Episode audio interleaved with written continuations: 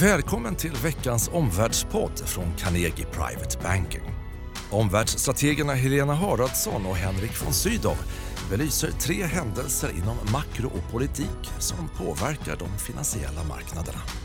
Det är faktiskt onsdag kväll den 27 november. Klockan är kvart i fem. Vi är på The Lamp Hotel i Norrköping. Vi ska strax starta vår mötesplats Carnegie efter börsen med bland annat Holmens VD Henrik Sjölund på plats. Det som har varit en, stora, en, en stor kursrusare under hösten. Men först liksom tre uppdateringar. Vi ska prata om makroläget, vi ska prata om marknadsläget och också det amerikanska presidentvalet där startfälten börjar formeras. Välkommen till Omvärldspodden. Helena, det var två veckor sedan du var med. Ska vi börja med att titta på de konjunkturbarometrar, prata makro då, som, som ju har eh, strömmat in ett par konjunkturbarometrar. Vad, vad, vad är din bild? Blir makroläget eh, bättre eller sämre? Ja, jag skulle snarare vilja skriva stabilt eh, och för att vara mer tydlig då svagt men inte sämre just nu. Och det är ju faktiskt lite glädjande ändå för börsen att oro försvinner. Eh, industribarometrar de säger att det ska bli en krympande aktivitet i industrin, alltså recession globalt, men de stiger ändå. Eh, och även om man kan tycka att det är ganska välkänt att vi får den här väldigt svaga industriutvecklingen globalt, även i USA. Den stora frågan nu det är ju om det här sprider sig via arbetsmarknader och via försiktiga bolag till andra sektorer som tjänster och hushåll. Eh, lite intressant också tycker jag är på de, inte just barometrar men andra data vi har fått, att Kina bromsar in och det är klart, det är vad de önskar. Men lite ögonfallande idag på morgonen när vi fick det, industrivinsterna visade det största fallet på åtta år. I Kina? Mm, i Kina. just det, slutpunkten låter då ändå lite negativt kanske. Mm. Om du skulle förklara, hur kommer ändå till slutsatsen eh, Eh, stabilt? Ja, jag har ju tidigare pratat om en dragkamp då mellan industri mot tjänster och hushåll och det här är någonting som jag fortfarande bevakar kan man säga. Jag tittar mycket på, på tjänster och tycker att faran inte är helt över. Men man skulle kunna kika på exportnationer. De är ju väldigt omvärldsberoende. Då kan man säga att i Sverige så har vi haft ganska dystra hushåll faktiskt. Här har vi det smittat redan. Detsamma i Tyskland, men den senaste barometern IFO från Tyskland visar faktiskt en stabilisering, inte bara i industrin utan även inom tjänsterna. Så då kommer man till slutsatsen att ja, det blir kanske lite stabilare just nu.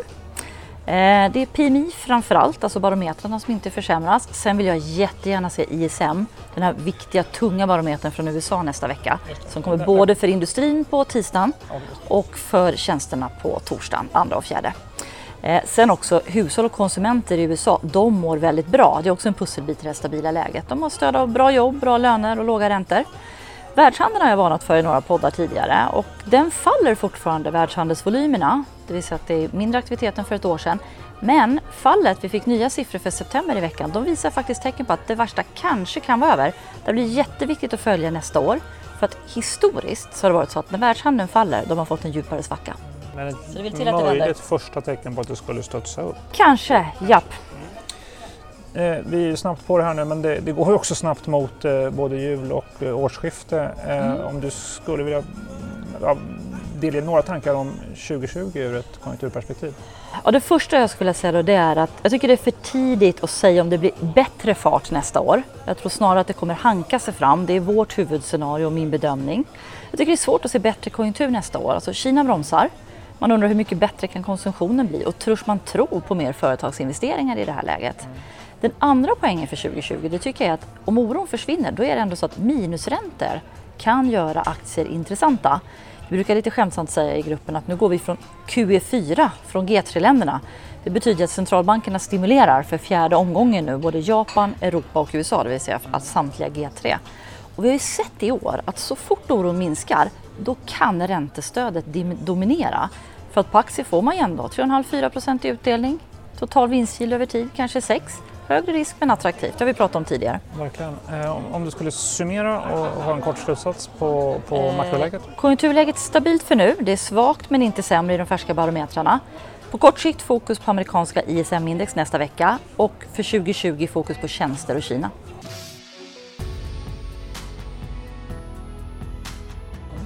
Går vidare eh, och pratar mer om eh, marknadsläget så har det ju varit mycket starkt upp sedan, eh, sedan oktober. Sen har vi haft två veckor där börsen gått i sidledes, stampat lite nu får man väl säga. Eh, vad förklarar du drivkrafterna? Vad fick du upp så starkt och varför ja. går det sidledes nu? Ja, här skulle jag nog inte vilja som huvudskäl peka på konjunkturen utan snarare att drivkraften på sistone har varit riskläget och förändringar i det. Eh, det började med en lugnare rapportsäsong här för ett tag sedan. Sen har vi ju sett att det blir sannolikt ingen tullupptrappning. Det är positivt för börserna. Trump bryr sig om lite väljarna. Eh, minskad sannolikhet som vi har talat om, framförallt du Henrik, för att det inte blir någon avtalslös eller hård Brexit, även om valet öppnar upp för olika möjligheter. En viss sannolikhet fanns. Ja. Eh, men inte som huvudscenario, det var man ju rädd för att ta nästan 50 procent. Eh, och kanske minskad risk också för biltullar. Sen har ju Trump tyvärr inte gjort något tydligt uttalande, men tidsfristen för att hänvisa till nationell säkerhet löpte ut och då blev man lite lugnare. Alla de här tre riskerna, ingen tullupptrappning, ingen hård Brexit, inga biltullar, det minskar ju faktiskt konjunkturriskerna för nästa år. Sen som du sa Henrik, det har varit en paus, en konsolidering nu några veckor och det tror jag berott på det vi har pratat om tidigare. Det var lite för överköpt. Men sen kom det också, som både du och jag vet, lite grus i, i riskmaskineriet. Kina tuffade helt plötsligt till sig i handelssamtalen. Corbyn kom med ett manifest som skrämde marknaden lite inför valet och EU har visat lite osäkerhet kring biltullar då.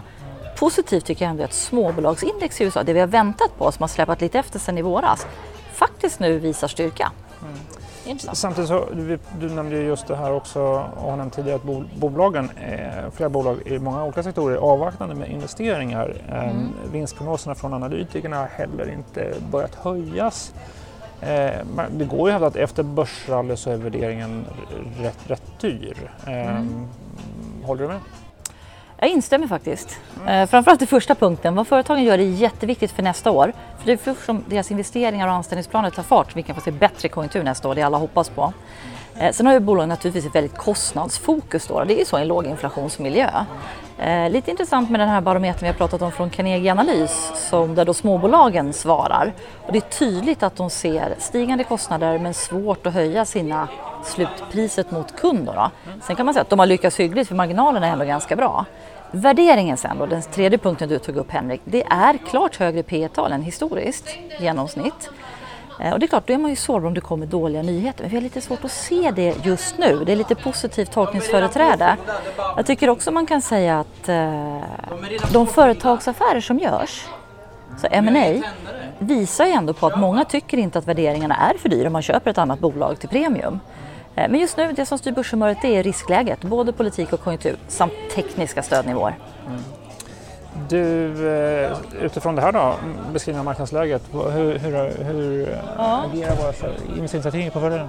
Ja, med ett minskat riskläge, då får räntestödet mer plats, då törs man ta mer risk. Jag har ju tidigare i podden berättat hur vi inom svenska aktier har köpt lite mer konjunkturkänsligt och verkstad och att vi inom utländska aktier har ökat i Europa och Japan som är billiga och har släppt lite efter.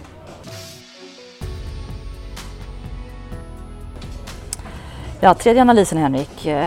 New Yorks förra borgmästare Michael Bloomberg har aviserat att han också kandiderar till amerikanska presidentvalet. Det är hela tiden mycket nyheter från amerikansk politik. Men när tror du valet kommer börja påverka marknaden och investerare? Jag tror att det, det blir, valhändelsen som sig blir, blir en eh, händelse för marknaden först när det är tydligt vem som är Trumps motkandidat. Då, då, då kan det generera marknadsrörelser och sätta sentimentet kanske för investeringsmiljön. Mm. Eh, det som kallas för Super Tuesday, eh, en stor primärvalsdag den 3 mars, kan, kan vara det första tillfället som ger den klarheten. Då. Vem är marknadens favorit då i Demokraternas primärval bedömer du? Ja, I Demokraternas primärval, nu går vi mot primärvalssäsong, jag, jag tror att många amerikanska investerare gillar faktiskt just eh, Mike Bloomberg. Eh, de skulle också definitivt föredra Joe Biden. Eh, båda de kandidaterna är ju så att säga centerkandidater, eh, relativt näringslivsvänliga får man ju säga. Framförallt tar både Bloomberg och Joe Biden bort en marknadsrisk som finns med kandidater som eh, både Elizabeth Warren och, och, Bernie Sanders som är, är rätt anti-Wall Street. Um, ja, så det är en risk om de skulle vinna det som det kan tas bort. Och, och Bloomberg då, vad tror du hans chanser är att ta hem primärvalen? Ja, att han kandiderar är ett kvitto på så att säga, som en tveksamhet hos Demokraterna. Eh, ett kvitto på att de inte har övertygande kandidater riktigt som är vinnande och valbara. Ehm, så det är lite intressant. Samtidigt så är det väldigt sent. Eh, vi ska också veta att de här primärvalen har en tendens och en dynamik till så att säga eh, tenderar att gynna partiernas flanker. Det är partiernas baser som går och röstar, det, det gör de. Det, det drar kandidaterna ut mot vänsterflankerna samtidigt som väljarna i mitten ändå är de som i slutändan avgör presidentvalet. Så ja. det kan bli att de radikaliserar, ja du förstår, det, det ja. talar till fördel för, för ja, Om vi flyttar oss från primärval till presidentval då, vilka är hans chanser där? Ja, alltså Bloomberg tror att han har fördelar mot Trump. Han har säkert kalkylerat det här rätt noggrant. Eh, jag tycker också om man följer Trumps kommentarer så kan jag ana att han ser med, med, med en viss bävan, bävan på Bloomberg. Eh, just utifrån att han har potentialen att faktiskt gå mot mitten där, där väljarna finns. Eh, lite för tidigt att ha en kvalificerad uppfattning om det här. Ja. Trump står samtidigt relativt stark inför nästa val. Alltså trots allt kaos, trots all turbulens kring honom, arbetslösheten, börsen, ekonomin har gått bra. Om ekonomin fortsätter utvecklas positivt, ja då, då står han stark. Eh, men jag tror att eh, både Bloomberg och eh, Biden har bättre förutsättningar att vinna mm. än Warren. Om man ska ta en kort slutsats om amerikanska presidentvalet 2020? Ja, när det här på allvar präglar marknadsläget, det är först när det är tydligt vem som är Trumps motkandidat. Någon gång i mars, kanske till, till mars. Mm. De tre slutsatserna är alltså 1. Att färska barometrar bekräftar att konjunkturläget är stabilt för tillfället. Svagt men inte sämre. Den andra slutsatsen, ett lägre riskläge på marknaden ger mer plats åt räntestödet och törs man ta mer risk. Och tre, USAs presidentval börjar påverka marknaderna då vi kan bli tydligare vem Trumps motkandidat är. Håll fokus på Super Tuesday den 3 mars. Tack för att du lyssnade på Omvärldspodden. Vi ber om ursäkt om det var en stökig bakgrundsmiljö här. Eh, om, eh, alldeles strax så ska vi båda upp på scenen eh, och träffa investerare och entreprenörer i Norrköping. Det ser vi fram emot. Och att nästa vecka spela in ett nytt avsnitt av Omvärldspodden. Tack för idag. Tack för att du har lyssnat på Omvärldspodden från Carnegie Private Banking. Vill du veta mer om vad som händer i vår omvärld och få aktuella idéer till affärer? Gå då in på www.carnegie.se veckans viktigaste och prenumerera på vårt nyhetsbrev.